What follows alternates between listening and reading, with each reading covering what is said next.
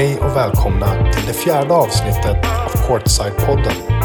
Jag heter Ted Högfeldt och tillsammans med Fredrik Osten och Engström har vi i den här poddserien valt att fokusera på några av de svenska basketprofiler som vi på Courtside-podden och våra lyssnare borde få veta mer om. Idag har vi äran att få intervjua en basketspelare som i ung ålder kom att lämna ett stort avtryck i amerikansk collegebasket tack vare sitt spel i den högt ansedda divisionen NCAA D1 för hennes skola Ball State University i Indiana.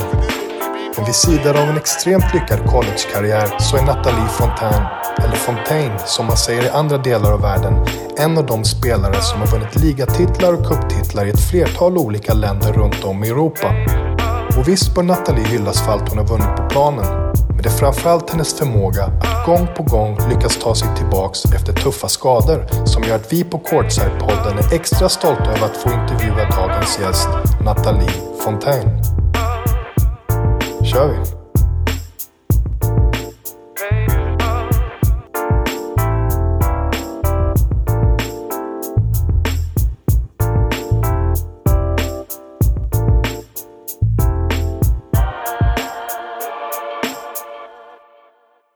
Hej och välkomna till Courtside-podden. Mitt namn är Fredrik Engström och innan vi drar igång dagens avsnitt så vill jag som vanligt bara påminna alla kära lyssnare om att följa oss på Instagram, Facebook och Youtube. Ni får gärna dela våra inlägg och videos så att fler basketfans får möjlighet att lära sig mer om våra grymma basketspelare från Sverige. Så Nathalie, det är ett stort nöje att ha dig med här i Courtside-podden. Tack så mycket, det är kul att vara med. Du har ju ett väldigt eh, spännande basket-CV som vi ska titta på lite strax. Ja. Och, eh, men vi brukar börja våra avsnitt med att liksom låta vår gäst berätta lite om sin barndom och om hur basket kom in i bilden. Okej, okay, det var när jag började spela. Jag tror jag var 6-7 år. Jag började väldigt uh, ung att spela basket. Började för att jag var ganska jobbig lilla syra. Jag ville göra allt min stora syster gjorde. Så uh, hon, uh, hon spelade basket och jag följde efter hennes fotspår där. Ja. Och började spela um, i Fryshuset vilket jag spelat där eh, hela mitt liv tills jag åkte till college och sen utomlands. Uh, men så där Fryshuset är mitt hem, baskethem. Ja, men, men du är uppvuxen på Södermalm i Stockholm. Hur ja. var det att växa upp där? Det var Södermalm, det, det är tryggt. Jag älskar Söder. Uh, håller mig inne i Söder när jag väl kommer hem till Stockholm. Men uh, de flesta av mina basketvänner, vilket är där jag har mest av mina vänner liksom är från basketvärlden. Mm. De var ju inte därifrån. Nej, äh, okay. Inifrån söder, utan de, de flesta Östberge och ja, eh, lite längre ut från eh, stan. Så att där var de flesta vännerna. Så jag var lite långt ifrån dem, men vi var ju i frysen ah, okay. hela tiden, så vi såg ah. varandra. Ja. Testade du några andra sporter innan du fastnade för just basket? Uh, nej, faktiskt inte. Jag är ganska katastrofal på alla andra sporter. uh, så inte annat än att uh, jag gick i idrottsklass i högstadiet så då var det massa olika sporter um, där som vi fick pröva på att göra. Men jag ja. har gått på basket annars.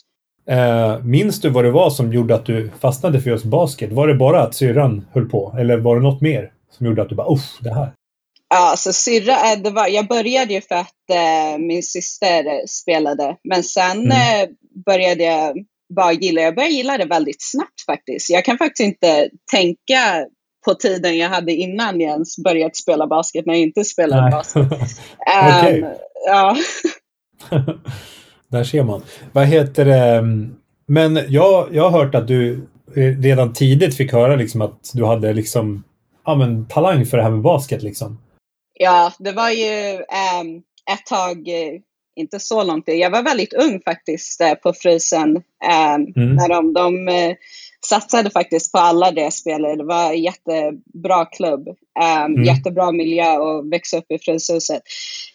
Um, och de har alltid eh, tränat mig hårt, pushat mig hårt och sagt att jag haft eh, talang sedan jag var ung faktiskt. Ja. Men din moderklubb är Söder Basket. Som, ja. Om jag förstår det rätt så är det en del av Fryshuset, eller hur? Ja, precis. gud, äh, det var olika. Det fanns så yellow stars, white stars, red stars, massa olika stars som var Söderbasket, liksom, vilket ah. är en del av polishuset. Okej. Okay. Jag har hört att ert 93-lag med bland annat dig, Cynthia Kumbi och Benne Makakala var liksom helt oslagbara från typ sju års ålder fram tills ni var 14 typ. Ja, vi, vi, var, vi hade tre riktigt bra spelare. Um, och bra coacher såklart. Så att, uh, nej, vi, ja. vi hade ett väldigt bra lag där. Var det mycket så här, alltså många klubbar som försökte rycka er och bara så här, shit, vi måste typ, ja men jag tänker typ Södertälje var vi ganska stora då. Var de på er och försökte få över er? Inte för jag kan komma ihåg. Jag tror um, när vi spelade, då var det, man visste liksom att eh, vi spelade Söderbasket, Fryshusen. Vi visste att vi skulle gå, gå i skolan i Frysen ja. och det spelade 08. Jag tror vi var väldigt, eh, man visste vad vi skulle göra. Vi, Frysen ja. var ju en stor förening. Eh, så att, eh, det är nog svårt att få Stockholmsbarn och Frysenbarn att åka med andra lag. Ja, jag fattar. De hade nog inte varit, vad ska man säga, missnöjda om ni hade börjat där i alla fall. Nej. Eh, men vad, vad var det som gjorde att ni var så framgångsrika då, tror du? Uh, vi hade väldigt mycket talang uh, faktiskt. Mm. Vi var väldigt bra från en ung ålder. Um, så jag tror det var talangen och coachingen uh, mm. som gjorde att vi blev så framgångsrika.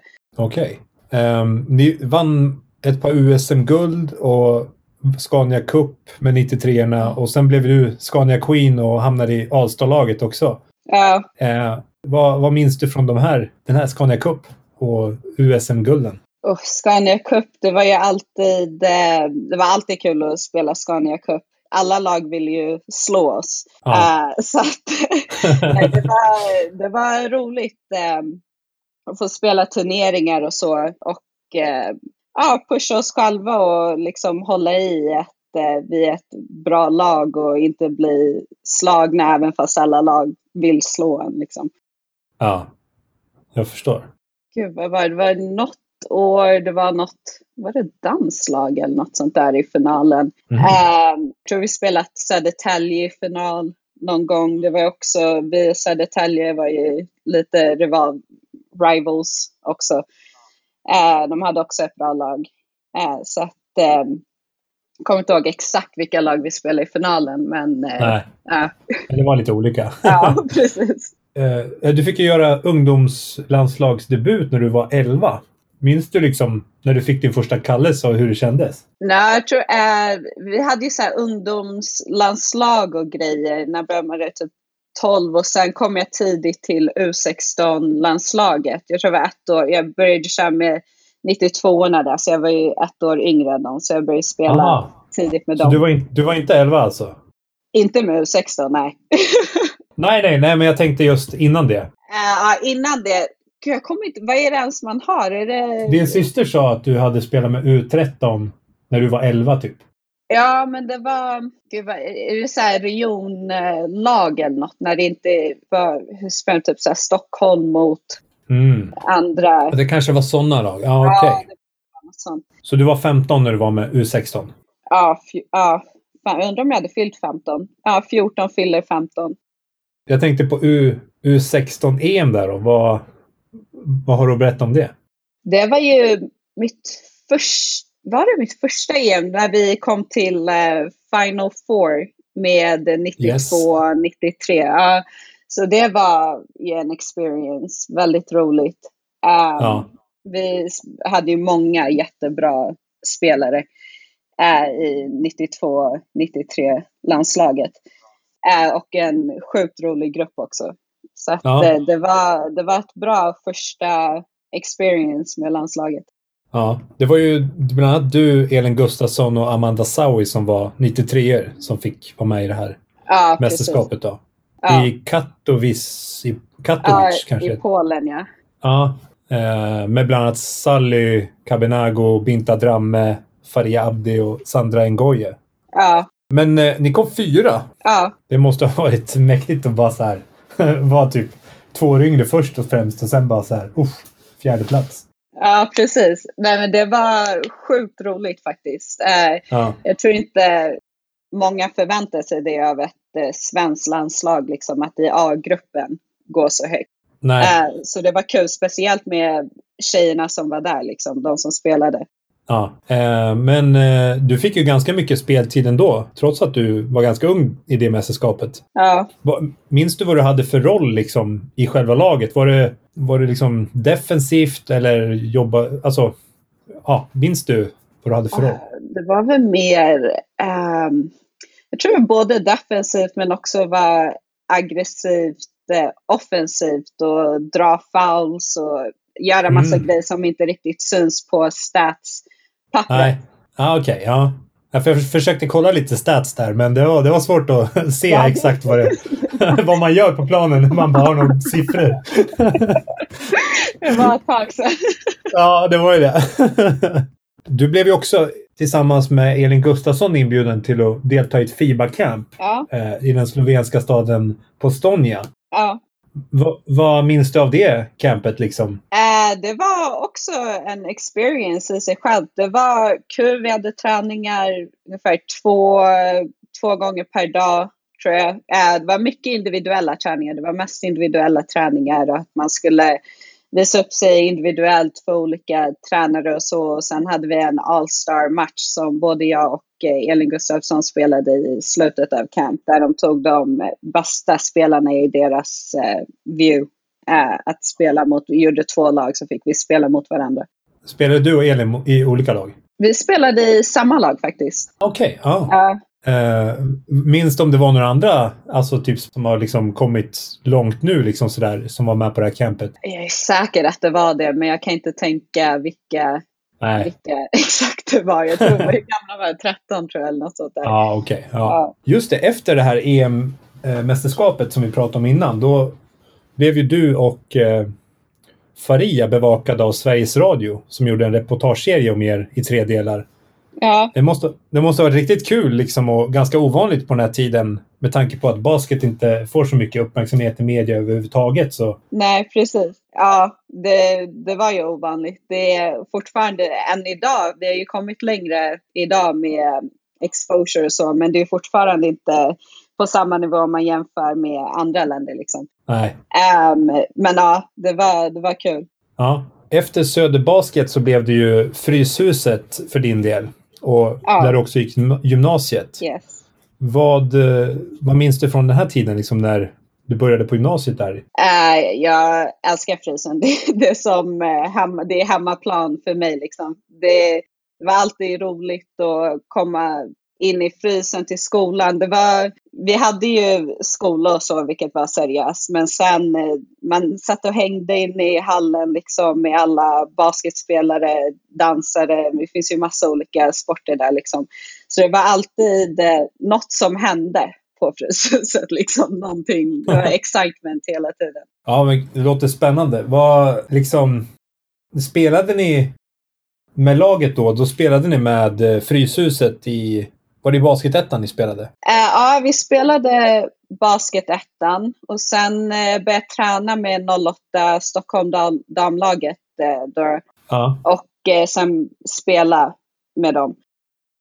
Um, men först, jag undrar om det var, nej, jag tror jag började träna med damlaget redan i ettan i första, första mm. ringen gymnasiet. Uh, och sen uh, spela liksom tvåan och, och speciellt i trean fick jag mycket mer speltid. Och så. Vad hade du för förebilder inom basket förutom din syster Sherry? Alltså när jag var jätteung då hade jag inte så stor koll på vilka liksom de här stora stjärnorna var. så. Um, men såklart Kobe Bryant, Michael Jordan, um, de uh, såg hörde man om och såg uh, och så på video. Um, så det har man växt upp till liksom. Men eh, sen eh, kom man upp, eh, blev lite äldre, började kolla på Candice Parker spela, gillade henne väldigt mycket. Och så LeBron James såklart. Massa NBA-spelare liksom. Ja, okej. Okay. Det är ganska ovanligt att man har kvinnor som coacher när man kommer upp på seniornivå. Ja. Men du hade ju redan från tidig ålder chansen att bli coachad av Marian, Jenny och Sara. Ja.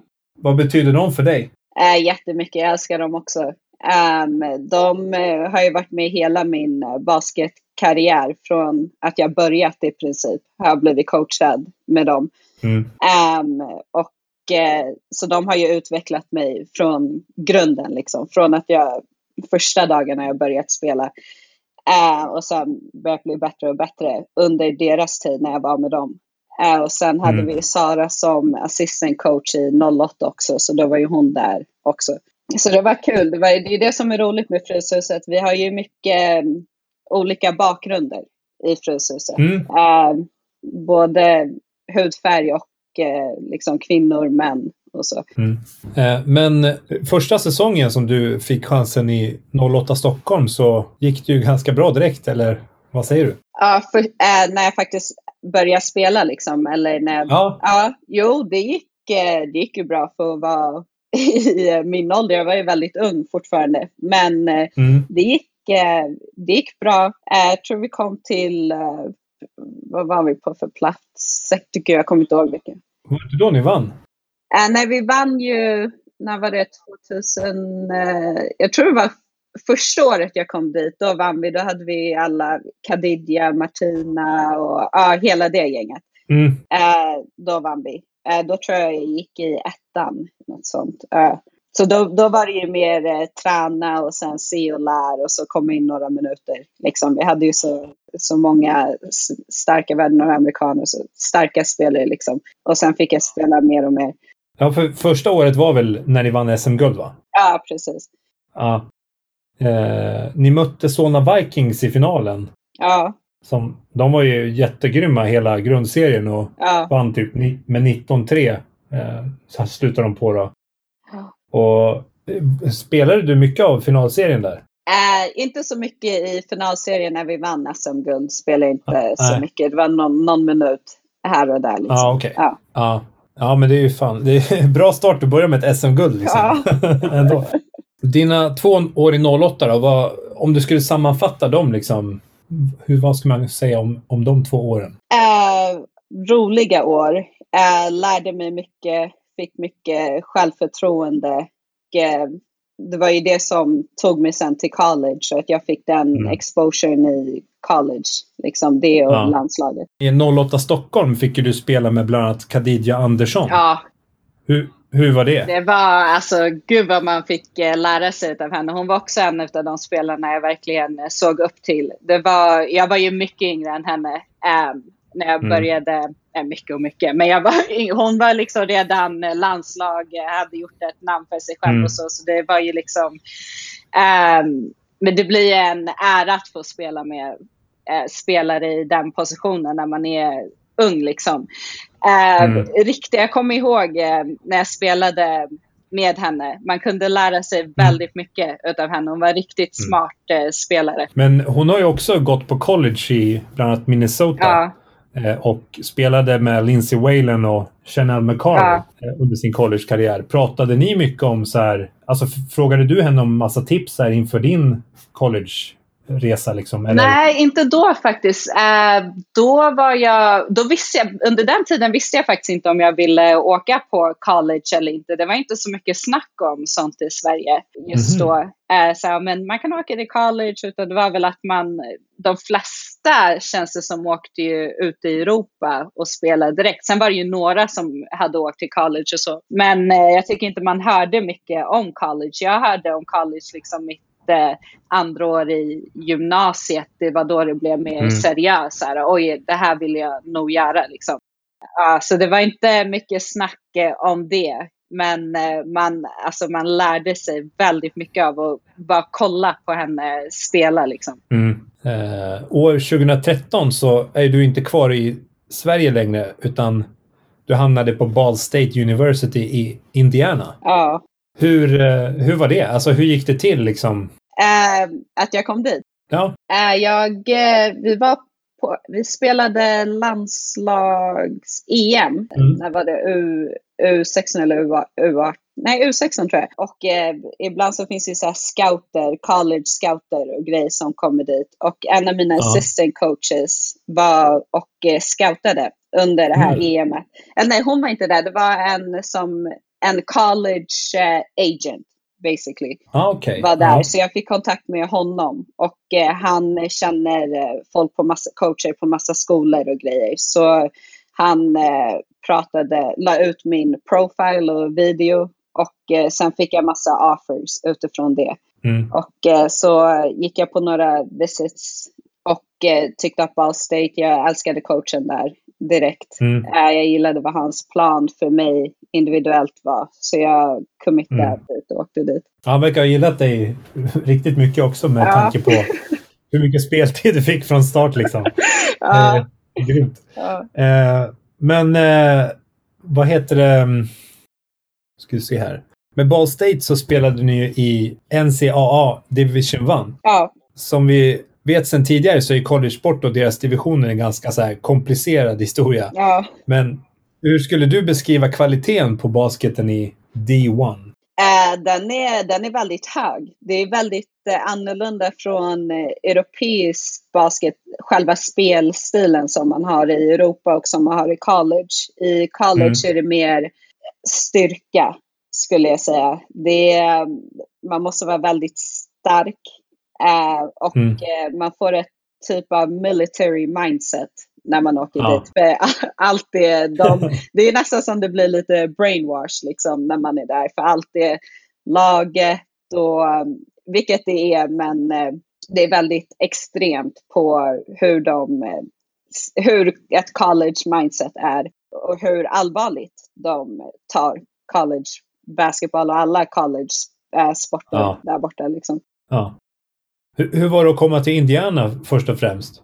Eh, det var en eh, chock i början. Jag i, jag, eh, vår skola var i en liten stad som heter Muncie inne i Indiana. Så det är cornfields och du vet, sådana grejer. Eh, Ja. Sen var mitt, mitt college är ju rätt så stort så man håller sig ju på campus mesta delen av tiden. Och så är Indianapolis 40 minuter att köra. Det blir att man ändrar livsstil. Liksom. När du bor i Stockholm behöver man inget körkort. Man tar tåg och man kan gå eh, där borta om du vill till affären. Då, någon måste köra dig. Liksom. Det finns inga bussar, du kan inte gå dit heller. Så att, eh, Hade du varit där tidigare? Jag hade varit där på ett visit, men eh, visits håller ju bara i, vad är det, två dagar tror jag man får vara där. Två, tre dagar, jag kommer inte ihåg. Mhm. Men det är under en kort tid liksom. Eh, så man, det är inte som att de kör runt i att se stan direkt, utan det är mest om basket och de visar campus och så. Okej. Hur funkade det när du kom dit då? Hade du liksom bostad fixad eller var det något du löste på plats? Eh, när vi bor ju i dorms, freshman Mm. year, vårt första år så bor eh, alla i dorms. Och sen Ah. eh, andra året så får man flytta ut. Kan du förklara vad dorms är för de som inte vet? Ja, det är som studentlägenheter liksom. Eh, en, en stor byggnad med massa smårum. Det är inte så svenska student, fina eh, studentlägenheter utan det är som eh, smårum liksom och så bor man två i varje rum. Nu ska vi se. Vad pluggar du förresten? Psykologi. Psykologi. Ja. Ehm, hur skulle du jämföra dig själv med de andra spelarna i laget kvalitetsmässigt när du kom dit? Jag tror faktiskt, alltså kvalitetsmässigt så tycker jag att europeer utvecklas snabb, snabbare när vi är yngre för att vi har de här chanserna att spela i första ligan i våra länder och eh, spela med äldre spelare och experience-spelare. Liksom. Så att, Ja. typ så här, vi, vi är faktiskt bättre när det kommer till kvalitet från att vi först går in, eh, liksom våra första år när vi kommer till college, eh, än vad de är i high school Mm. och kommer till college. Men eh, sen eh, tar ju amerikaner utvecklas väldigt mycket under collegeåren och blir Mm. väldigt bra och starka spelare efter det. Liksom. Eh, men just de första åren tycker jag faktiskt europeer basketmässigt är smartare och eh, bättre Ja, okej. faktiskt. Um, Där ser man. ja, Men det måste ändå vara ganska tufft att komma in som freshman och konkurrera med, mot ju- juniors och seniors. Ja, det är, det är tufft. De har ju, det, är väldigt, det beror på vilken skola man går på. Många skolor är så, ja, Mm. med ditt freshman year så får du inte spela någonting och sen junior får du spela och du vet, att man rankas liksom. Ehm, men jag, det var därför jag valde att eh, gå till Ball State för att den coachen blev head coach där samma år som jag kom in. Så jag var hans enda spelare ah. som han faktiskt hade recruitat. Så han sa till mig direkt ah. att, uh, så han sa ju till mig på visit att, att han ville bygga laget runt mig och, och att jag kommer få spela direkt liksom. Så att det, det var ett ah. ganska klart val för mig att gå dit. Win-win då. Ja, precis. um, vad heter det? Hur lång tid tog det innan du kände dig som hemma i USA och i Indiana? Uh, det gick rätt så snabbt. Uh, jag skulle säga runt jul. Uh, så mm. runt, vi kom dit augusti och sen runt jul så kändes man hemma liksom. Det var, de första veckorna mm. var tuffa för man kommer ju direkt in i preseason och det är väldigt, väldigt, väldigt tuff träning under preseason träningar äh, som mm. vi inte, beroende på vilken coach man har, men man jobbar inte riktigt på samma sätt så här i någonstans i Europa som man gör i, i college de veckorna då det är preseason time. Så då, de, de första veckorna, det var tufft alltså. Uh, ja. det var mycket skrikandes, mycket springandes, vakna fem på morgonen och tre träningar ja. per dag och sånt. Men sen, uh, sen blir man van med det. Ja, jag fattar. Har du, är det så nu med? Med, eh, alltså, om man jämför med hur det är när man är proffs liksom? Ja, nej, det går Träningarna i college eh, och eh, träningarna jag har som proffs går inte att jämföra. Det är ingenting nej. alltså. Nej, nej okej. um, ska se. Om vi pratar lite så år för år på college. Hur skulle du beskriva ditt första år på Ball State? Uh, mitt första år, uh, det var lite så här testningsår för mig tror jag och för coachen att lära känna mig, vilket gick ganska snabbt. Han lärde sig hur, hur han kunde få mig att spela bättre och så. Han märkte att jag reagerade på när han eh, skrek på mig och att jag spelade bättre då. Så att eh, ah. i fyra år fick jag höra under varje match var det mest att han skällde ut mig för något för att han försökte pusha mig och du Fattar. så. Vilket funkade. så, att, ah, uh, så första året var att uh, bli van med det, um, att uh, bli van med hela rutinen liksom. Att eh, mm. vakna så tidigt på morgonen, gå och träna. Eh, sättet de tränade på, eh, hur de ville att jag skulle förändra mig. Jag gick ju upp typ 10-15 kilo i college. Mm. Eh, så att, eh, ja, det var lärningsår liksom. Eh, ja. Men utvecklades mycket under första året också. Ja.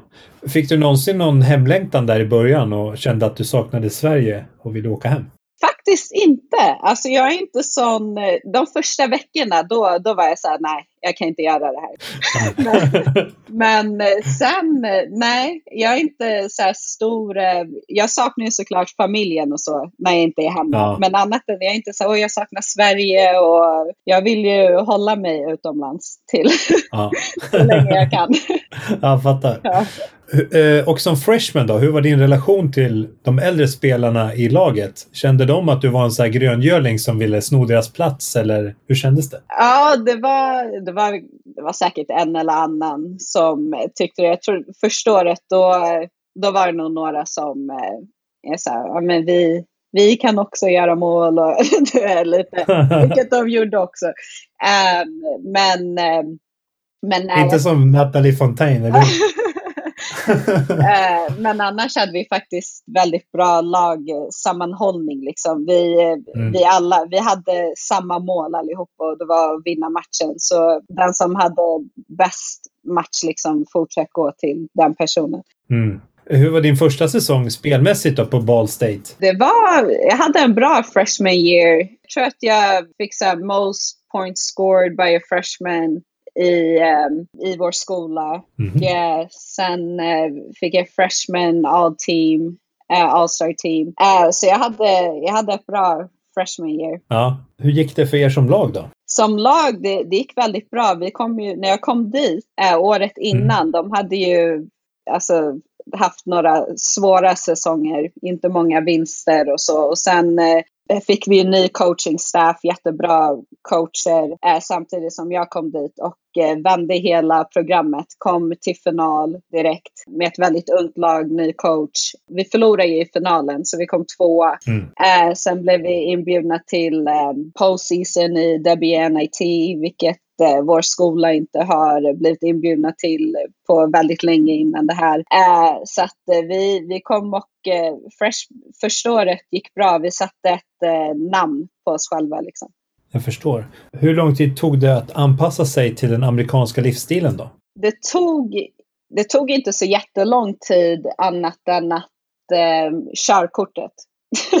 Mm. det, äh, jag tror jag fick mitt körkort när mitt junior year, så tredje året jag var där. Ah, så var jag så, ja, då var jag så okej, okay, men nu ska jag ta tag i Jag hade inte försökt att få det innan, men jag märkte att det är omöjligt att eh, bo här utan körkort. Men eh, första året så bodde vi ju på campus. De här dormsen ah. är ju på campus. Så att vi, vi kunde gå till träningar, gå till eh, våra classes och så. Och sen eh, andra året bodde jag med två lagkamrater. Så de hade bil så de körde oss till weights och man får hoppa in med lagkamrater. Liksom. Ah. Ja, ah, schysst.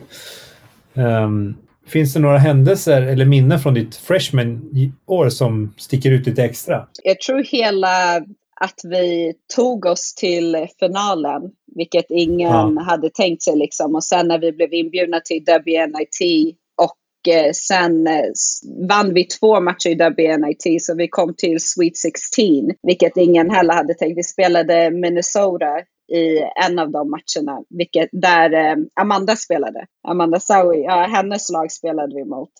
Um, men hon uh, kunde inte spela den matchen. Men vi spelade ah. mot alla andra där och de var ju tippade att uh, vinna matchen. Vi hade ju bara sex spelare mitt uh, freshman year. Så vi, var ju, vi hade inte många spelare att gå runt på. Liksom. Nej.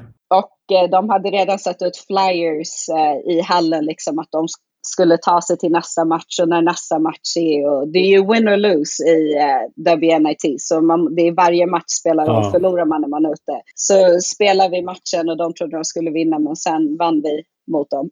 så det, det var med sex spelare liksom. Så det, jag tror ja. den matchen var highlight. Ja. Shit. Eh, när andra året sen började, på vilket sätt var det annorlunda från ditt rookie-år? Andra året var, då hade jag mer självförtroende och så, men andra året var tufft för att det var då jag fick mitt eh, diskbråck. Ah. Och det fick jag väldigt tidigt i, jag kände av eh, något konstigt i mitt ben liksom redan sommaren till att andra året skulle börja. Mm. Men jag trodde att jag bara hade, det var ju baksida lår, så jag trodde att jag hade strained a muscle eller någonting liksom. Och sen så fort det, matcherna började, jag tror det var två matcher in, då kunde jag knappt gå. Men, ja, men sen, det är det som är skillnaden med det här college mindsetet. De, de tycker ju aldrig ja. att man är, man är aldrig skadad, utan det är allt vad man tänker och liksom man ska pusha igenom allting och så. Så jag spelade med diskbråck i ett helt år, hela den säsongen. Oj!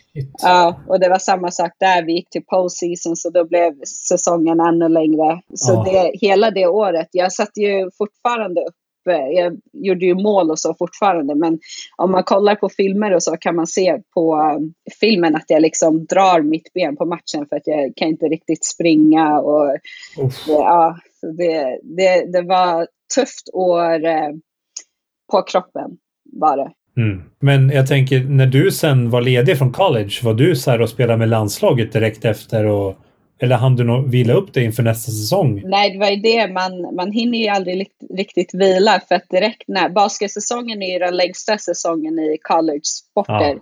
Vi kör ju preseason så ja. börjar um, säsongen och sen direkt efter är det ju postseason och summer school. Så vi mm. stannade ju där under sommaren. Så jag spelade ju inte, jag tackade ju nej till landslaget när jag var i college, mm. så jag kunde vara i summer school och träna där. Och sen eh, vad hade jag typ två veckor att åka hem sent i början av augusti liksom, och sen tillbaka till USA. Okej. Okay. Ja, shit. Det är, alltså, det är svårt att föreställa sig när man själv inte har gått på college ja. hur pass liksom, påfrestande det är. Liksom. Ja. Det är imponerande att ni ändå liksom, fixar det. Ja. Hade ni några så grupperingar i laget under det andra året? Ja, alltså det, det var ju de som hängde, viss, utanför planen var det ju vissa som hängde med vissa mer än andra. Liksom. Ja. Det, det, fanns ju lite grupper, jag tror man kommer hitta det överallt. Men när vi väl var på planen så hade vi inga problem liksom, i laget, vilket var skönt faktiskt. Men det måste vara, alltså jag har märkt det av många så att just basket är så sjukt mycket konkurrens just för att det är ju bara fem som får starta. Alltså, ja. det, måste, måste vara lätt hänt att det blir liksom så att det blir så här olika grupperingar och liksom dålig stämning i ett lag. Ja, jag tror i college, beroende på vilken coach man har, man kan ju tänka för sig själv så här, fan jag borde starta, jag borde få spela mer och mm. allt sånt där. Men man måste visa sig liksom hela tiden. Om man inte, mm. De är väldigt eh, stora på att man ska jobba hårt och fighta för att få en plats. Liksom. Så eh, om man inte gjorde det, det är inte så mycket man kan säga till coacherna som de kommer lyssna på. liksom. det, Nej. Jag fattar. Ja.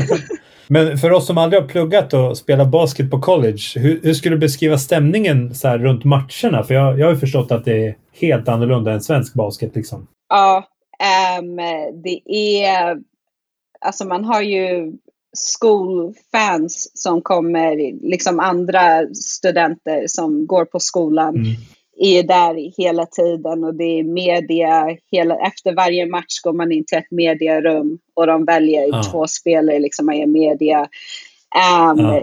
Cheerleaders och ja, dansgrupper, uh, vad man ska kalla dem. Liksom, hela tiden. Det, det, är en stor uh, fasad kring det hela. Liksom. Det är en stor grej för dem. Ja. Ja, det är ju så häftigt. Man önskar ju att den där hypen skulle kunna finnas här med. Ja, i Sverige. Liksom. Ja. Det, det, är så synd för att basket är ju världens bästa sport. Ja, verkligen. Ja. Eh, men ditt tredje år då, liksom, eller junior year som man säger i USA. Hur skulle du beskriva det? Uh, då var det både mitt, uh, faktiskt från freshman year, uh, liksom när lag börjar se vart bollen går, liksom vem som tar ansvar på planen jag har blivit typ triple team i varenda ja. match i college. Ja. Jag hade så många möten med coachen för han bara okej, okay, här blir det triple teamad och du missade. Men här blir du triple teamad och du sätter bollen. Så bara, men ser du inte de andra öppna spelarna? Liksom? Jag, bara, fan, jag, jag tänker bara på korgen. Liksom. Kan jag få av bollen så kommer jag skjuta den. Liksom. Jag, jag, så, jag såg något videoklipp från, från den här coachen där han nämnde typ att man borde nästan ha så här egen kategori för att se hur många poäng Nathalie gjorde när hon var tripplad. Och ibland hade så här fyra pers på sig. Hon var helt brutal liksom. ja. Nu ska vi se. Just det, vid det här laget hade ju du hunnit spela två år på college. Kände du att liksom, du hade vunnit dina lagkamraters och motspelares respekt? Liksom? Att folk var så här, alla vet vem Fontaine är liksom? Ja. Um, ja, de, vi hade väldigt bra, alla visste sin roll uh, ja. i vårt lag. Liksom. Uh, de visste om, om du är en skytt, du får inte um, pass up on a shot. Liksom. Du måste skjuta bollen och om du ska spela defense, spela defense. Så jag tror att eh, de respekterade mig. Liksom. De hade inga problem med mig eller någon annan i laget eh, faktiskt. Okej. Okay. Eh, du hade ju även spelat eh, U16 och U18-landslaget. Kände du att du också hade ögonen på dig från landslagscoacherna när du var i USA? Äh, det hade jag säkert, men jag ja. tänkte faktiskt inte så mycket på det när man Nej. Eh, väl är där i college. Jag var väldigt eh, inne på att liksom fokusera mig liksom på college och de här fyra åren i college och coacherna där och, och så. Mm. Men på tal om landslaget då, vad, vad, betyder det för dig att spela för det svenska landslaget? Jag tycker det är jätteroligt.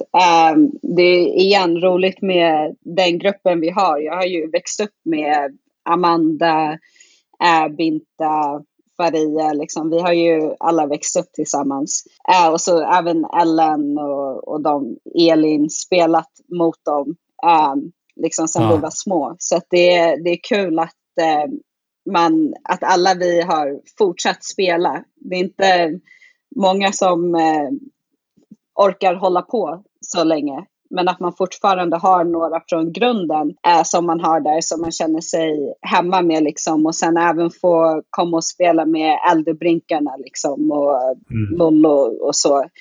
Eh, som man sett Eh, man, vi har inte spelat mot eh, dem när jag var yngre för det är en age gap där. Men man har ju alltid sett och hört om dem och, och så. Så ja. det är ja, kul. Mm. Finns det någon match eller någon samling som sticker ut lite extra när det kommer till just landslagskarriären? Uh, jag tycker nog min första match med dem mot uh, Kroatien uh, med uh, seniorlandslaget det är nog eh, den som sticker ut. För att då tror jag det var, det var ju första gången jag hade kommit eh, till seniorlandslaget och jag tror inte riktigt alla, förutom de jag spelade med när jag var yngre, men eh, mm. alla andra tror jag inte riktigt visste hur jag spelade och ja, du vet sådär. Så att det var en kul match att få komma in och eh, visa vad jag kan göra på planen. Liksom. Vi vann, det gick bra och eh, så jag gick in och var inte nervös liksom eller du vet något sånt där utan thousand mm. miles per hour nästan. bara gick in och spelade. Det kändes inte, jag kände ingen stress liksom från coacherna, från spelarna, från mig själv, från något liksom. Man kunde bara gå in och spela liksom och vara bekväm. Okej. Okay. Um, ehm, så sista året på college då. Berätta, hur, hur var den säsongen för nu är du plötsligt en spelare som de yngre såg upp till. Ja. Hur var det? Uh, det, det var kul. Alltså då, alla vet ju vem det är, till och med domarna liksom vet vem man är. De kom upp och pratade under matcherna, man kunde skoja lite med domarna under matcherna och så. Um, så att um, det, var, det var roligt. Alltså, man fick bara gå in och ha, alla lagen visste ju att jag skulle få bollen. De visste spelen, hur jag skulle få bollen och så. Så det var, man fick ju lära sig att eh, hitta andra sätt att spela, att liksom göra mål om spelen inte funkade. Sen funkade spelen ändå mesta delen av tiden. Mm. Um, men det var, det var kul för jag kunde också spela 100% utan att jag kände att jag hade några ryggproblem och så. Um, mm. Så att eh, senior year var väldigt eh, roligt. Jag kommer komma ihåg hela det året. Eh, mm. Hela mitt liv tror jag. Ja, jag förstår det. ja. Eh, på vilka sätt skiljer sig basketspelaren Nathalie Fontaine från freshman jämfört med senior? Eh, att eh, jag var mer aggressiv. Mitt mindset var... Jag, hade, jag förstod liksom att jag var tvungen att göra allt. Alltså jag var tvungen att leda på planen, även om det inte handlade om att göra mål. Liksom. Men även på träningarna, att man ska slänga sig på golvet, boxa ut hela tiden och sätta ett exempel åt de yngre spelarna. För att eh, det är väl, i college är det väldigt mycket att eh, freshmen gör, freshman-spelare, de unga spelarna gör som de äldre spelarna gör. Så att de satte ju väldigt mycket press på mig att eh, i träningar utanför planen, eh, på matcherna, att inte att man ska vara perfekt hela tiden, men att man ska gå 100 procent hela tiden. Mm. Uh, så jag tror att det är nog det. Ja. Om du ska välja ut de tre bästa minnena från college-tiden då? Vilka minnen skulle du ha valt då? Vi kan ta WNIT-matchen mot Minnesota och vi vann mitt mm. freshman-år. Självklart när jag slog rekordet och eh, min mamma och syster var där på mm. senior night. Jag tror det kommer vara highlight väldigt länge i mm. min eh, karriär. ja. Och eh, gud, det tredje. Alltså jag tror att det bara är hela the overall experience. Jag tycker alla ja. som har chansen att eh, åka till college ska göra det. Mm, jag förstår. Om du skulle sammanfatta liksom allt med college, hur skulle du sammanfatta den? Är det liksom... Jag skulle säga att det är ett uh, once in a lifetime opportunity faktiskt. Ja. Och uh, man lär man växer väldigt mycket, inte bara som spelare men också som person. Alltså speciellt för europeer och svenskar som åker så långt bort hemifrån. Mm. Liksom. Vi åker ju dit, vi har ingen familj. Man är själv i, eller du är ju med ditt lag och du får vänner och allt mm. sånt där. Men annars, du, dina föräldrar är ju inte där. Eh, så att du växer väldigt mycket som person också. Ja, men så är det ju. Eh, du, du, fick, du pratade om poängrekordet innan. Eh, du menar det 2166 poäng va? Ja, något. Ja. kan inte sitta ja. fram. Nej, nej, nej, jag bara tänkte om det var 43 poängs grejen. Alltså ja, att du det kan 43. också vara Nej, jag pratade om uh, overall scoring. Ja, just det. Ja. Och sen blev du ju All American och Mid American Conference Player of the Year. Ja. Och ni blev även Mid American West Division Champions, eller hur? Ja. 2014-2015. Ja, det var, det var väldigt kul. Speciellt att man kan göra det för sin skola. Liksom. För att de kom ju från att ha några um, jobbiga år där emellan. Ja. Att vi kunde få tillbaka Ball State på kartan. Liksom. Mm. Du nämnde ju också så här att du liksom vände upp och ner på hela programmet och det kan man ju lugnt säga med alla rekord du satte. Liksom. Ja. Du har ju fortfarande liksom bästa scoring average med 20,6 och sen har du även eh, free throws made har du rekord och sen har du flest antal matcher, 130, flest startade matcher och flest minuter. Ja. Och sen field goals made så är du tvåa, en poäng efter Tamara Bowie som du slog rekordet från va? I procent eller? Nej, Eller- du slog väl hennes Ja, slog- poängrekord? Ja, jag såg Ja, hennes rekord. Ja, field goals made. Så jag tror att hon har en, hon har gjort ett Aha. mer field goal än vad du har. Man kan ju lugnt säga att du har en skaplig college-karriär. Ja. Jag har hört också att folk inte trodde att du var svensk när du gick på college. Nej, det är ingen, varken i USA eller ute i Europa tror de att jag är svensk. Jag vet inte om det beror på eh, efternamn eller hur jag ser ut, men det är, det är ingen som tror att jag är svensk förrän jag börjar prata svenska. Nej, okej. hur, hur, var det, hur är det nu då, liksom, när du är tillbaks i Indiana? Liksom, blir du igenkänd på stan och sådär? Ja, det, det, i Ball State vet ju alla. I Muncie liksom vet Ja. de flesta vem, vem jag är. Men jag har inte varit tillbaka där på ett tag faktiskt. Jag skulle åka tillbaka förra sommaren, men eh, corona. Och så nu får vi se om jag kan åka nästa sommar. Men jag tror det kanske blir om två år istället. Mm, Okej. Eh, när det börjar närma sig slutet av det sista året på college, eh, hur, vad hade du för plan då? Liksom, vad, vad ville du att näst, nästa steg skulle bli? Efter college eller? Mm. Det- jag ville ju ut i Europa och spela då. Ja. Så det, jag visste att jag ville fortsätta spela. Ehm, Ja. Sen visste jag inte hur länge, men eh, jag visste att jag ville spela pro. Eh, WNBA-draften och sådär. Det, det var väl snack om att de Ja. kollade lite på dig och sådär. Det var några lag intresserade att eh, bjuda in mig på camps efter eh, min första säsong i Tyskland. Men sen var det min agent sa ingenting förrän jättesent, vilket jag har bytt agent nu. Ehm, och så var det problem med så här visa, jag hade inget visa och hela Mhm. den biten. Men eh, nu eh, i college, då tänkte jag att jag ville försöka spela i WNBA liksom åtminstone ett år. Bara, Mm. liksom. Men eh, nu har jag, är det mest Europa. ehm, jag vill stanna i Europa liksom. Och sen eh, med min kropp också. Jag tror den kommer inte orka hålla på året om. Nej, det är ju det som är så sjukt tycker jag med, Ja. med just WNBA. Att man inte kan leva på det bara. Alltså att Nej. man måste ha två lag per år. Liksom, och det är ju alltså snacka om att slita på kroppen. Ja, verkligen. Jag vet inte hur de gör det. Men, Supermänniskor. Alltså ja. de som klarar det. Ja, just det. Efter college så hamnade du ju som sagt i, i södra Tyskland. Hur kommer det sig att du hamnade där? Eh, jag fick ett eh, offer. Det han, de går ju via våra agenter och så kommer massa lag och, eh, som är intresserade och ger ett offer. Liksom. Eh, då valde jag att gå till Tyskland för de hade de offered mest eh, i lön. så det var Mm. därför jag åkte dit. Okej. Ehm, hur skulle du beskriva klubben Wasserburg då? Och eh, som du spelade för? Eh, när eh, jag spelade där, det var en bra, liten klubb, men li, i en jätteliten stad. Men det var, vi blev betalda i tid, det var bra klubb liksom. Spelade i Eurocup, eh, vann alltid i Tyskland.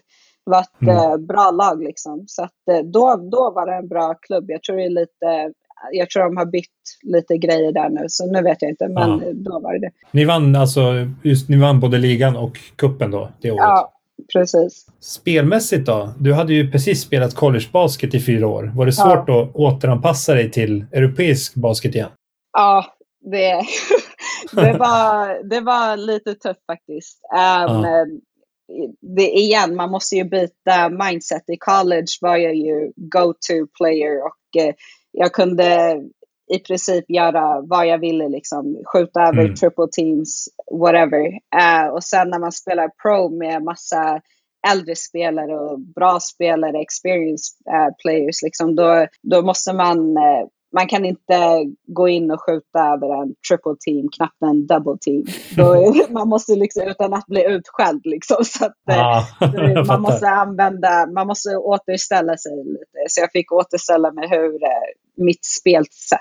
Ah. Eh, hur såg din vardag ut i Wasserburg?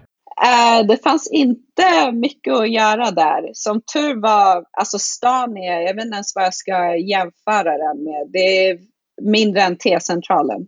Uh, alltså det är typ som Plattan på T-centralen. Liksom. Oj! Uh, jätte, jätteliten stad, så det, det fanns ju inte mycket att göra där, men Nej. vi hade väldigt skönt lag. Så att, uh, det fanns typ en bar och that was okay.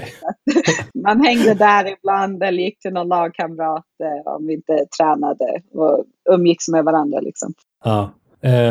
Efter den här säsongen så flyttade du till Tyskland, eller då lämnade du Tyskland och flyttade till Rumänien. Ja. Hur kommer det sig att du hamnade just där? Äh, Rumänien var faktiskt väldigt... Äh, först ville jag inte åka dit. De, Rumänien hade faktiskt offered mig äh, mitt första år också, men jag valde att mm. åka till Tyskland. Och så offered de mig igen mitt andra år och jag tror jag sa nej typ tre gånger. Men sen mm. gav de mer och mer i, i lön varje gång jag sa nej. Så, så, gick, uh, så valde jag att uh, åka dit uh, till mm. slut och spela där. Men i laget så fanns det ju en annan svensk spelare som du var bekant med sedan tidigare. Uh, Vem var det? Danny Hamilton. Mm.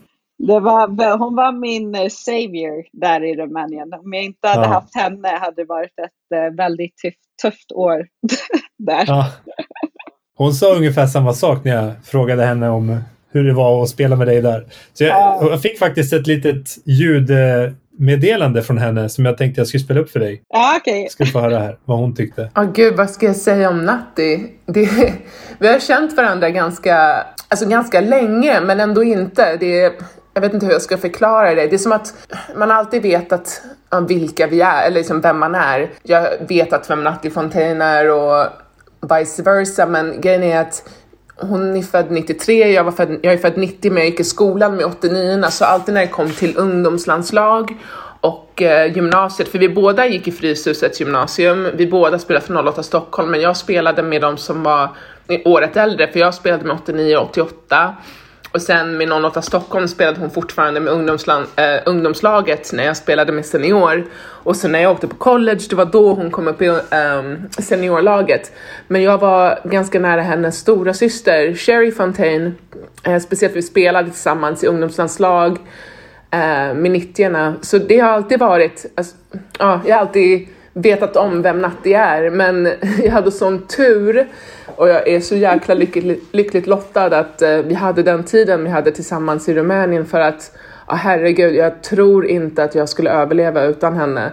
Eh, hon var liksom en livlina, jag tror att vi båda kan säga att det var så vi kände båda två för att det var så jäkla tufft eh, den säsongen. Eh, visst, man kan titta efteråt resultatmässigt, liksom vi vann både kuppen och mästerskapet och var ganska överlägsna i ligan och hade en ändå liksom ganska bra Eurocup-prestation eh, om man tänker på lagets historia, men det var allt runt omkring. Det var alltså en riktigt tuff miljö. Trän träningarna var helt galna, coachen var helt galen. Och sen att ha någon där som förstod en, som man kunde ja, kanske prata skit på svenska med. Men eh, hon var bara liksom en, en sån som man kunde lita på och varje dag, det bara kändes så jäkla skönt att ha någon där så att jag är så otroligt tacksam för den tiden vi hade tillsammans. Och eh, Natte är bara en sån fantastisk person så att ha henne liksom i en eh, you know, in your corner, det är, ja, jag känner mig väldigt, väldigt lyckligt lottad i alla fall.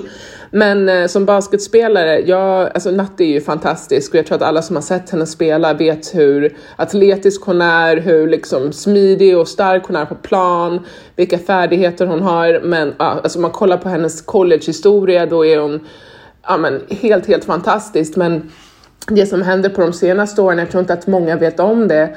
För man kan ju titta på stats, man kan titta på resultat, men vad det har gått in att nå de här eh, framgångarna, det är det som jag tycker i alla fall är det viktigaste och det som gör Natti så speciell. Eh, jag tror inte att det är många som vet att hon har gått igenom två ryggoperationer och hon är, hur gammal är hon? Vad blir det, nästan 26-27? Det tar jäkligt mycket liksom på en mentalt att ha sådana där otroliga liksom, stora skador, skador, spela på en toppnivå och sen vara tvungen att jobba sig tillbaka. Så att även om hon är relativt ny i seniorlandslaget, hon spelar i turkiska ligan nu, där hon förtjänar att vara. Hon kunde ha varit där ja, men, tidigare också, men det är bara för att hon har varit tvungen att ha de här äh, motgångarna för att, um, att ta sig igenom. Men, ja, men jag måste bara säga liksom att det är, det är sån, sån respekt för vad hon har åstadkommit. Liksom att ta, ha sådana här liksom, motgångar men ändå att kämpa sig tillbaka upp till toppen och det är liksom hon hör hemma att spela i de bästa ligorna, hon hör hemma att spela för topplag i toppligan, hon hör hemma i seniorlandslaget. Och jag är bara så glad att folk får se henne nu. Eh, och verkligen hon kan ha chansen att visa vad, vad, vem hon är och vad hon går för. För att alla borde ha vetat för länge sedan vem Natti Fontaine men det är så kul att ändå att hon får sitt, jag vet inte, jag vill inte kalla det för genombrott, men nu är hon i alla fall på folks näthinna och det är där hon förtjänar att vara. Så att jag är jätteglad för hennes skull, jag är superstolt över henne och det ska bli skitkul att följa henne i framtiden också. Åh, Danny! Hon är underbaraste människan på den här jorden. Alltså, jag tror inte folk förstår. ja, hon hade fina ord att säga om dig också så att eh, det är kul att det är ömsesidigt. Ja, nej, Rumänien, alltså det var... Ingen av oss hade kommit out of there alive om vi inte hade varandra. Så det var tufft, tufft, tufft år. Men som hon sa, resultaten ser ju ut som att det är annorlunda. Men allt som gick eh, mm. bakom de resultaten som man inte ser i media och stats och sånt. Det var, det var tufft. Så hade jag inte haft henne där, alltså då, nej, jag vet inte. Eh, väl på plats i Rumänien då och säsongen ska börja, hur, hur såg truppen ut? Alltså i rumänska li ligan hade vi den starkaste truppen. Eh, så ja. vi var ju lätt bäst i hela den ligan. Um, så vi hade, vi hade väldigt många foreigners faktiskt. Vi hade en vitryss, en eh, från Kroatien, eh, två amerikaner eh, och sen kom en till mm. amerikan och så var det jag och Danny så att eh, vi hade, det var blandat faktiskt. Och Danny hade väl två collegekompisar där, Ty Marshall och ja, precis. Sid. Ja, från Georgia Tech. Och sen, ni hade en ruggigt bra trepoängsskytt också, Adriana Webb. Ja, hon var duktig skytt, väldigt ja. bra skytt. Jag har ju kollat på några av era matcher på Youtube. Det finns ju faktiskt för de ja, som är intresserade av att kolla. Ja. Eh, så jag såg hela finalserien här. Tyvärr så var ju du skadad mot slutet av säsongen. Men eh, jag har ju kollat lite stats och sådär och man ser ju typ i början av säsongen du droppar 25 poäng och bara öser in ja. poäng och liksom. Och sen bara slutar statsen komma. Så jag bara så här, undrar vad som hände här liksom. Men så fick, berättade ju Danny att, att du inte kunde spela mot slutet. Nej, precis. Jag skadade ju mig eh, i semifinalen rejält och eh, dis pajade disken igen. Ja. Så då var det liksom ja, man kan inte gå eller något. Och så är man i Rumänien, är i en liten stad i mm. Rumänien mm. med inte de mest pålitliga eh, doctors och mm. sånt liksom. Eller klubb som vill ta hand om sådana grejer heller. Så att, ja. Vad heter det? men du blev ändå så här all Bosman team och eh, sen fick du väl även en, en hedersutmärkelse också va? Från den säsongen det har, jag har faktiskt inte sett några av deras um, All-Star Teams eller något sånt där. Um, ah, okay. de, de sa ingenting, något, något sånt till oss. Att, uh, det står så på Eurobasket.com i alla fall om man tittar på den här säsongen så står det ah, du med fick där. jag precis reda på det. Att du blev All Bosman Team. Aha. Just det, ni vann ju även rumänska kuppen. Ja. Och där, där spelade du, för den var tidigare än slutspelet, eller hur? I ligan. Ja, precis. Det var mycket regler året jag var i eh, Rumänien som påverkade alla foreigners speltid. Uh, i, mm. I vanliga ligan så var man tvungen att ha en ung rumän, jag tror det skulle vara under 21 år gammal, på planen mm. uh, hela första perioden. Uh, så då kunde, hon var den enda vi hade spelade på min position. Så då kunde jag inte spela, hela året kunde jag inte spela i hela första perioden. Um, och sen under kuppen var reglerna att man var tvungen att ha två rumäner på planen hela tiden. Så då blev ju mm. alla andra, andra fick mindre speltid där. Ja, jag fattar. Ja. Men eh, laget var ju SIK eh, Sepsi, eller ja. ASC Sepsi som det hette då. Ja. Och eh, låg i staden Svanu George, som ligger i Transylvanien va? Ja, bredvid Draculas Castle. oh, shit. Hade ni något besök av laddtepes eller? ja, men vi hade faktiskt en eh, fladdermus som kom och... Heter de fladdermöss? Heter de så? Ja. Fladdermus. en gång hade vi fladdermöss i vår oh. arena innan träningen så det blev delay oj, oj, oj. är, det mycket, är det generellt mycket fladdermöss i Transylvanien eller? Alltså det, det var faktiskt inomhus var det första gången jag hade sett den. Um, ja. Sen ut, utomhus fanns det några, men de fanns där. Eh, hur funkar liksom allt omkring då? Är det bra så här, träningsanläggningar och förutsättningar för er som spelare i ja, men till exempel i Rumänien? Alltså, i Rumä vi hade en, en helt nybyggd arena, så arenan var fin. Eh, men det blev väldigt eh, kallt där och de satte inte på någon värme så man frös ihjäl liksom, under matcherna, under träningarna hela tiden. Mm. Eh, och hur vi bodde, herregud. jag kan inte ens börja med att beskriva. men mitt college dorm room var bättre än hur vi bodde i Rumänien. Oh. Så det var katastrofalt faktiskt. Mm. och sen hur man reser och så. Rumänien kommer jag stay away from. Okej.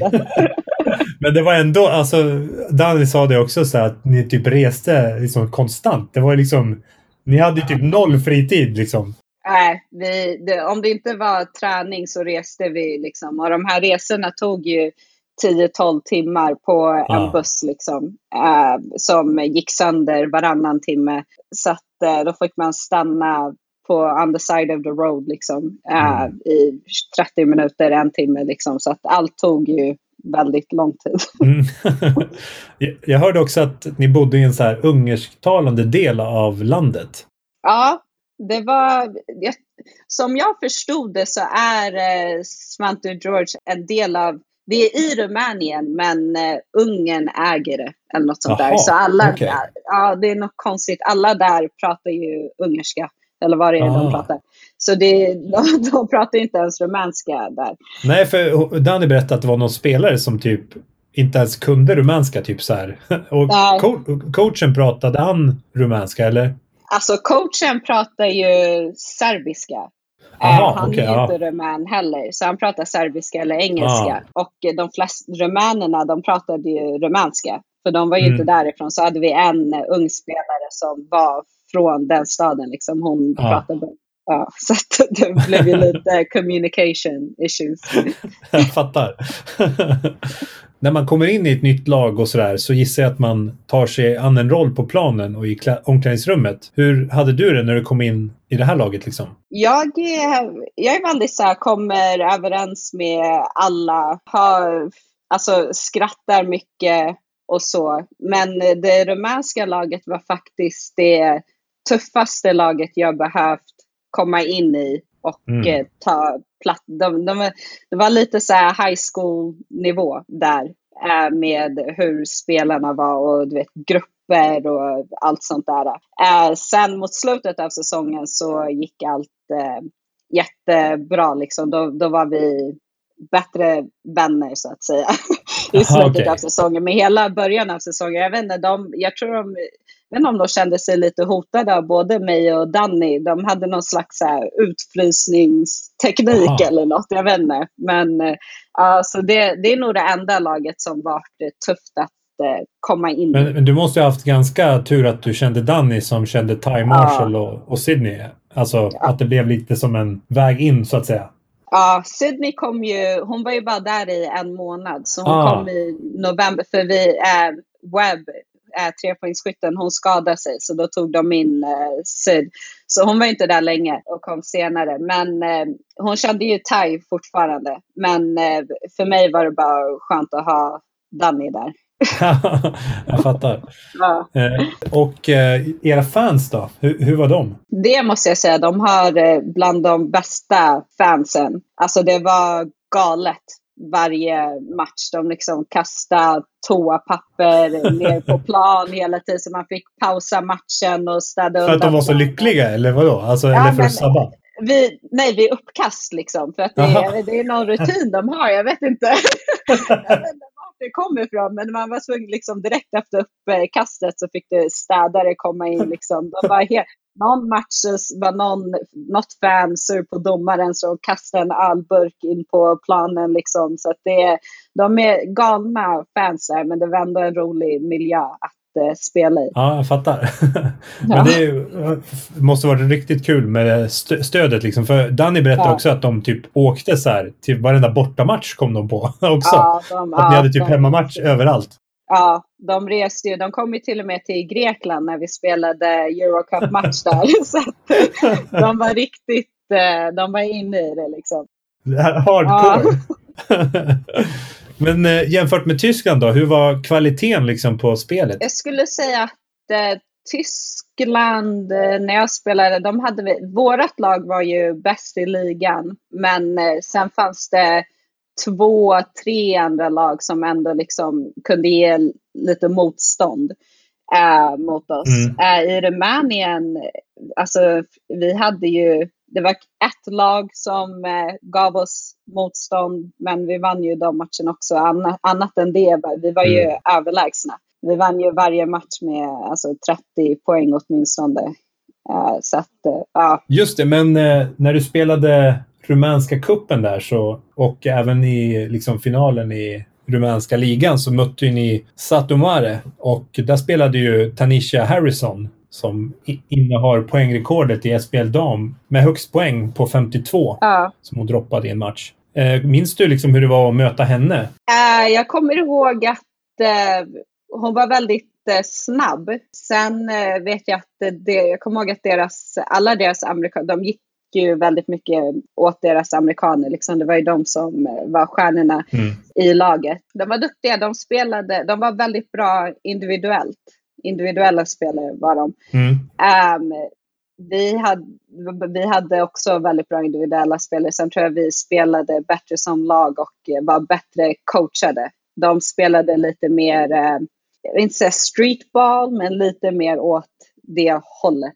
Liksom, inte, inte jätteorganiserat. Hur skulle du sammanfatta din egen prestation efter säsongen i Rumänien? Jag skulle säga, jag tycker fortfarande jag skulle kunna gjort eh, mer, men eh, ja, coachen var ju, han var väl, coachen var väldigt, väldigt, väldigt galen. Men han var faktiskt, eh, han kunde basket, han var mm. bra på basket. Så jag skulle ändå säga att jag faktiskt lärde mig mycket utav honom också. Mm. Danny nämnde att han var typ den smartaste ja. coachen hon har haft någonsin. Typ att han hade så spel för typ alla. Så här, ja, men typ den där spelaren, när den kommer in på vänster sida, och ska du göra så här. Ja. Och så här, verkligen så här helt sjuka plays liksom. Ja, vi hade ju ungefär 50 olika set plays liksom. så att, eh, han, var, han var faktiskt, han kan basket väldigt, ja. väldigt, väldigt bra. Uh, så det, det måste jag ge honom. Jättebra basketcoach. Uh, bara lite galen. Men han är en väldigt duktig coach. Ja. Efter Rumänien så lämnar du, eh, då stannar du kvar i Europa men du lämnar Rumänien och eh, drar vidare till Frankrike. Precis. Hade du bytt manager då eller hade du samma som, ja du hade bytt? Ja precis. Så det var han som, den nya som du som styrde upp det här då? Ja, men sen var det också, vi hade ju François som coach i landslaget. Mm. Uh, och uh, det var hans lag jag gick och spelade för i Frankrike. Okej. Okay. Så han visste ju redan uh, hur jag spelade och, och, så. Ja. Men det var ju alltså Tarbes som du gick till? Ja. Och det ligger ju precis vid gränsen till Spanien. Ja. Tillhör det den franska delen av Baskien eller är, ligger det bara i närheten? det tillhör Frankrike. Sen vet jag inte exakt Nej, okay. Jag vet att det är södra. Aha, okay. Nära Toulouse. Ah, Okej. Okay. Det måste vara väldigt vackert där i alla fall. Ja, det var, det var fint. Det, var, det är också en eh, mindre stad, men mm. det, det är fint där. Ja. Men återigen så kommer du in ny i ett lag och eh, var det svårt där att hitta sin plats eller kom det sig naturligt? Jag tycker att det, det kom naturligt för att eh, han, som sagt, han visste ju hur jag spelade. Jag visste vad han ville att jag skulle göra på planen. Det var ganska lätt att eh, hitta sin roll där. Mm. Okej. Okay. Um, ehm, hur skulle du beskriva laget då? Vi hade ett eh, starkt lag faktiskt. Eh, många talanger. Sen eh, hade vi eh, också problem med eh, skador. Eh, vår femma skadade sig, jag skadade ryggen igen. Mm. så jag kunde ju inte spela mer än halva säsongen. Liksom. Men jag tror att om vi inte hade haft de skadorna så hade vi kommit ännu högre upp. Liksom. Hur såg träningsupplägget ut där då? där var det mer normalt än eh, vad det var i Rumänien. Ingen galning i alla fall. vi hade ja, en, en träning per dag och sen eh, hade vi weights då och då. Um, ja. Men det var väldigt eh, chill upplägg på träningarna faktiskt. Mm. Vid det här laget så hade du ändå varit ute i Europa ett tag. Eh, hur såg målsättningen ut vid den här tidpunkten? Ville du till WNBA eller hade du något annat mål i sikte? Äh, faktiskt inte. Jag hade inte så här, oh, jag vill uh, spela i ligan liksom. Uh, utan det var mest fokuserat på Europa. Mina mål, vart jag velat spela liksom var faktiskt Frankrike och Turkiet. för det är några av de starkaste ligorna i Europa. Ja. När du inte tränade, vad gjorde du då? vi, med det laget vi gick faktiskt ut lite, inte jätteofta, men lite då och då gick man ut, äh, gick till restauranger äh, och åt. Äh, men vi mm. höll oss inom Tarbs för mesta delen. Vi reste inte, liksom flög till Paris eller sådana grejer gjorde vi inte så mycket. Spelmässigt då, hur gick det för er som lag den här säsongen? Um, det gick, uh, det gick helt okej okay, faktiskt. Men som sagt, om vi inte hade haft um, skadorna så hade det gått bättre. Men både i Eurocup gick det bra eh, och i ligan gick, gick det okej. Okay. Liksom, vi, hade, vi hade duktiga, väldigt duktiga unga spelare och eh, sen eh, hade vi eh, duktiga experienced spelare. Hur var, hur var boendesituationen då i Tarbs? Var, det, var den bättre än Rumänien? Ja, allt är bättre. allt är bättre än Rumänien. Mm. Uh, lägenheten var, den var helt okej. Okay. Det var inget uh, jättefancy eller något sånt där, men det funkade. För säsongen efter det här så får ju svenska publiken äntligen chans att se dig spela igen. Ja. I alla fall tills covid-19 kom in i bilden. Precis. Men då återvänder du ju inte hem, utan, hem till Stockholm, utan du åker till Umeå. Ja. Hur kommer det sig att det blev just A3 Basket? Jag tycker de hade... Det var deras eh, mål. Liksom. De kämpade för att vinna ett eh, SM-guld. Det var, tror det är en av de mer seriösa klubbarna i eh, Sverige. Mm. Um, så att, jag valde att åka dit. Men sen valde jag att stanna i Sverige också just för att jag precis hade haft ryggoperationen. Jag ville inte åka ut, jag var inte hundra procent än liksom, så jag var tvungen mm. att testa mig fram liksom, om jag kunde fortsätta spela eller inte. Mm. Eh, det var bland annat Stephanie Yderström var där också. Ja, det var ju äh, Tiffany Brown ja, var där. Hon var i Sverige ett tag, nu tror hon är i Polen. Och så vi hade ju svenska spelare också, sen kom en till amerikan äh, kom dit sent också. Jag, äh, amerikanen och Steph kom ju alla in väldigt sent mm. i äh, säsongen. Efter jul där. Men det var, vi hade en skön trupp där ja. också. Det var sköna människor mm. och var runt och så. Hur kändes det att vara tillbaka på svensk mark då? Det var roligt. Jag trodde faktiskt inte att jag skulle spela i Sverige igen med eh, klubblag faktiskt. Okay. Um, men det var, det var kul att göra det och se vad ligan... Jag tycker att ligan har blivit uh, lite starkare nu än vad det var ett par år sedan mm. i alla fall. Okay. Det var roligt att se. Det var roligt att få göra det, även om det inte var länge. Jag tror jag spelade fem matcher, fem, sex matcher något sånt ja. där, äh, innan covid kom. Ja, just det. Äh, ja, men det var, det var kul att få chansen att göra det. Jag hann se det i någon match mot Luleå, kommer jag ihåg. Ja, det måste vara första, första matchen på över ett år. Ja. Och sen, du dra, gjorde 36 poäng mot EOS, har jag för mig att jag ja. ihåg också. ja. Nu ska vi se. Just det. Sen blev det ju som sagt eh, covid-19 och allting avbröts. Det var rätt tråkigt att man inte fick köra klart. Det var ju så, så nära liksom. Ja. Men ja, självklart förstår man ju det, att det var så. Ja. Eh, men vi är ju snart inne på 2021 här. Hur ser dina framtidsplaner ja. ut nu? Har du några andra mål uppsatta? Just nu är det bara att eh, få bra kontrakt till, eh, eller avsluta säsongen här så bra vi kan mm. och så få ett annat bra kontrakt till eh, nästa säsong. Mm. Men jag är inne, jag har varit på så många olika ställen och många länder och så, så att jag, jag har inte ett ställe som jag verkligen vill till direkt. Det är mer... Du vet att du inte vill till Svan och George igen i alla fall? Ja, dit, dit går jag inte. dit går jag inte tillbaka. Det måste vara ett väldigt bra kontakt för att jag ska ja. komma tillbaka ja, dit. Få dra med mig Danny då också. Ja. ja. Men du bor ju just nu i kebabmeckat Adana som ja. är femte största staden i Turkiet. Och eh, du spelar ju för Adana Basket i den turkiska högsta ligan KSBL. Och ja. den här säsongen som har varit, liksom, jag har ju sett några matcher och sådär. Vad, vad tycker du så här långt? Uh, det, är en, eh, det är en bra liga. Um, det, är, det är roligt att spela här. Sen uh, lagmässigt har vi haft det lite tufft nu på sistone. Mm. Men uh, vi kämpar på. Men Anna, jag gillar ändå att bo här. Det har bra, jättefin nybyggd lägenhet. Det är varmt ute hela tiden. Det blir inte riktigt kallt. Så att boendesatt har jag inget att eh, klaga på. Och du spelar ju också med en annan svensk som är syster till vår andra gäst i Courtside-podden, Maria Merjam Gültekin. Ja. Hur, hur är det att spela med henne? Det är kul. Vi har faktiskt aldrig spelat tillsammans. Vi har ju också äh, missat varandra i ungdomslandslaget. Mm. Um, så att, nej, men det är kul att eh, komma hit och så ser man eh, lite familiar faces ja. och man kan prata svenska och så. Så det, det är roligt att ha henne här också. Ja. Um, jag hoppas att du och Raushan vänder på skutan nu och att ni plockar hem lite fler vinster nu i Turkiet.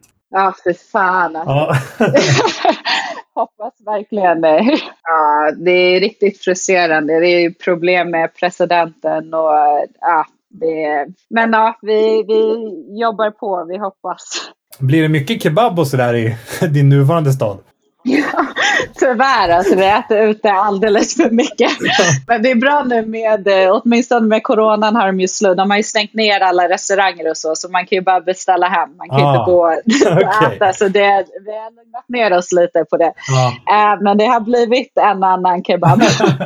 Men eh, om du skulle så här, ja, betygsätta Adana kebaben då? Är det liksom, är det the, the shit liksom? Eller är det, ja, vad tycker ja, du? Den, den är väldigt bra. Det är, är stor skillnad från svensk kebab och turkisk kebab kan jag säga. Ja, okay. Nästan inte alls samma sak, men den är väldigt, väldigt god. Ja. Vilken är den bästa spelaren som du har spelat med under dina år? En så jag spelat med, det måste vara Shailani Petty. Så jag spelar med i Tyskland eh, riktigt eh, grym spelare, riktigt eh, bekväm. Man kände sig bekväm med henne på planen. Liksom. Hon eh, ja, men styrde upp och du vet, aldrig, fick inte panik eller du vet, något sånt här. Jättebra playmaker. Hon eh, spelar ju nu i WNBA också. Hon blev draftad också. Så hon, varit så här, ah. hon har en väldigt intressant eh, historia också med det. Men eh, hon, ja, Shay, Shay Petty måste det vara. Hon vann ju med eh, Washington förra, för förra året. Och hon har väldigt intressant historia. Och sen eh, började hon med Washington nu eh, mm. eller förra sommaren då igen. Och sen, blev, sen gick hon till Phoenix ah. och spelade med Diana Taurasi oh. och Sky Diggs och dem. Och, Fan vad fett. Ja, tog dem till eh, fan till playoffs med hennes trea i sista sekunden. Så att det är ja, ja. duktig spelare. Ja, det ska jag spana in nästa säsong. Ja. Men vem är den bästa spelaren du har mött då? Um, mött? Oj, man har ju spelat mot väldigt många. Um, har du ehm, mött Diana Taurasi någon gång? Nej, det har jag inte. det, det hade jag kommit ihåg. Sånt Nej, jag förstår det. Uh, nej, men, nej, men det är många. Eh, speciellt den här säsongen har vi spelat mot många i eh, WNBA-stjärnor och folk som spelar där. Så att, mm. eh, både i Fenerbahce. Men eh, någon vi spelar mot eh, Nissi Helge, jag vet inte, jag skulle säga att det är den bästa, bästa, bästa spelaren, men hon är riktigt grym. Elina Jagopova, eh, som man spelat mot när man var yngre också med landslaget. Eh, nu har jag glömt bort vilket land hon kommer ifrån. Men hon är, alltså individuellt så är hon väldigt svår att eh, stoppa. Okej. Okay. Hon är en duktig spelare. Um, jag vet inte om du läste det, men Elin Fredriksson i Högsbo Basket har ju i sin karriär uh, slitit av korsbandet liksom tre gånger.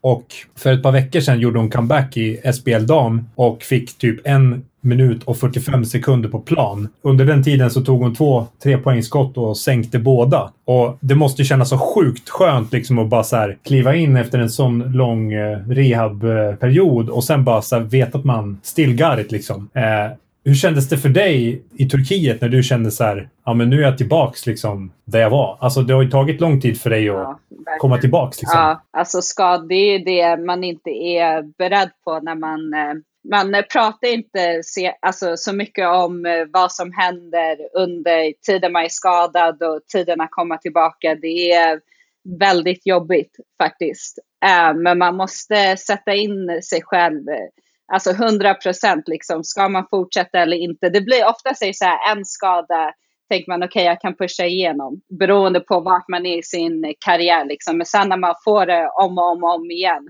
det blir väldigt jobbigt eh, mentalt. Eh, mm. Minst, alltså mentalt är nog den jobbigaste delen. Och sen gör det jätteont i kroppen och knän. Det är ju också... Såklart. Alltså usch, gud vad jobbigt. Äh, och jag med min rygg, liksom två ryggoperationer. Och det är, det är inte bara ryggen som gör ont, utan det är hela benet liksom. Och, och så, så det är jobbigt fysiskt också, men eh, mentalt skulle jag säga att det är det jobbigaste. Så man måste sätta sig in 100% på liksom om man vill fortsätta eller inte. Och sen vill man fortsätta så man kommer behöva gå igenom några jobbiga månader, men att bara pusha igenom och se målet liksom. Eh, så nu ja. att äntligen vara tillbaka och kunna spela en hel säsong liksom och spela långa minuter under matchen, det, det är skönt. Jaha, jag förstår det alltså. Ja.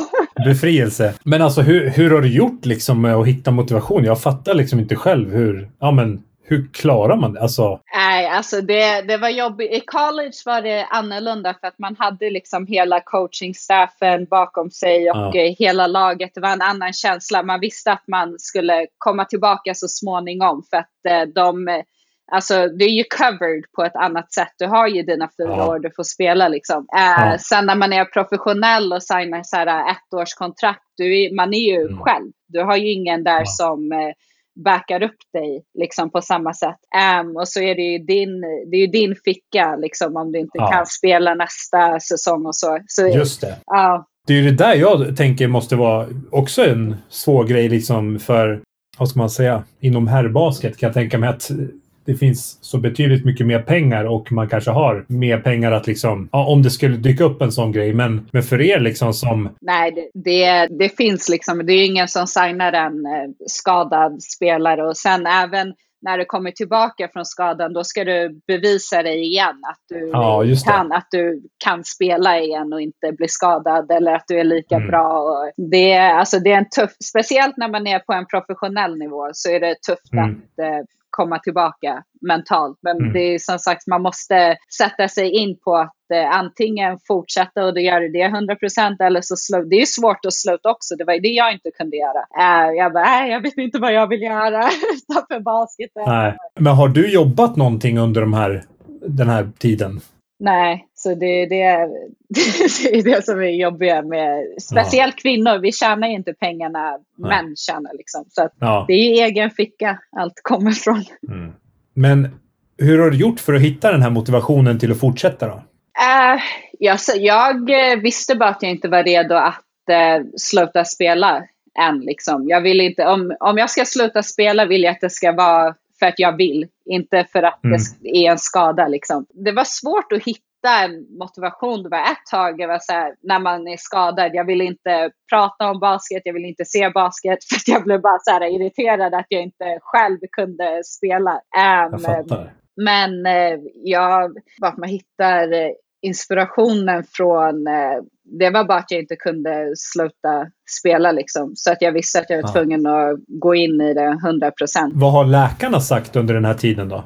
Alltså jag har haft så många olika svar. Det har varit vissa som jag säger, jo men du kan fortsätta spela men det är inte 100 procent att du kan, att du kommer vara bra liksom. Det kan hända igen, du kan få diskbråck igen och din rygg kommer nog inte vara 100 procent igen. Ja. Och sen efter läkare som säger nej, du ska aldrig mer spela, du ska göra du ska steloperera dig och eh, aldrig mer spela basket igen. Och, du ah. vet, så, här.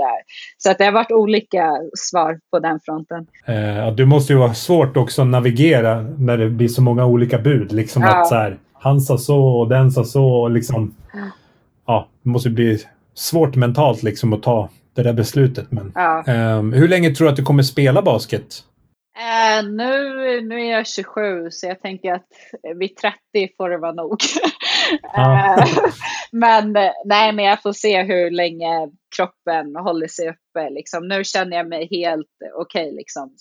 eller ja. ja. men det är vanliga liksom. Knäna är trötta, ryggen är inte 100 procent. Men uh, mm. jag känner att jag inte har någon så här, um, career ending injury än. Nej. Um, nej. Så att eh, så länge kroppen eh, känner sig bra. Eh, vad har du för plan efter karriären då? Ah, det är det som är, jag vill ju gärna flytta till USA um, och bo där. Och så kanske coaching eller på mitt gamla mm. college, göra li ja. lite av det. Men jag har faktiskt inte bestämt mig än. Jag vet inte hundra procent vad jag vill göra. De lär ju ta emot dig med öppna armar ju. Ja, det, det är familj där borta. Du lär ju vara en av de största som har spelat där. Liksom. Ja. Men du, eh, det var ju sjukt kul att se dig mot Israel eh, här senast. Du spelade ju mest av alla i den matchen. Ja, det kändes. ja, jag förstår det. Vad, vad, tycker du om matchen? Äh, nej, det var roligt äh, att äh, spela den matchen. Liksom. Mm. Äh, kom in och eh, jag tror inte missa ett endaste skott. Så det, det, var ju skönt.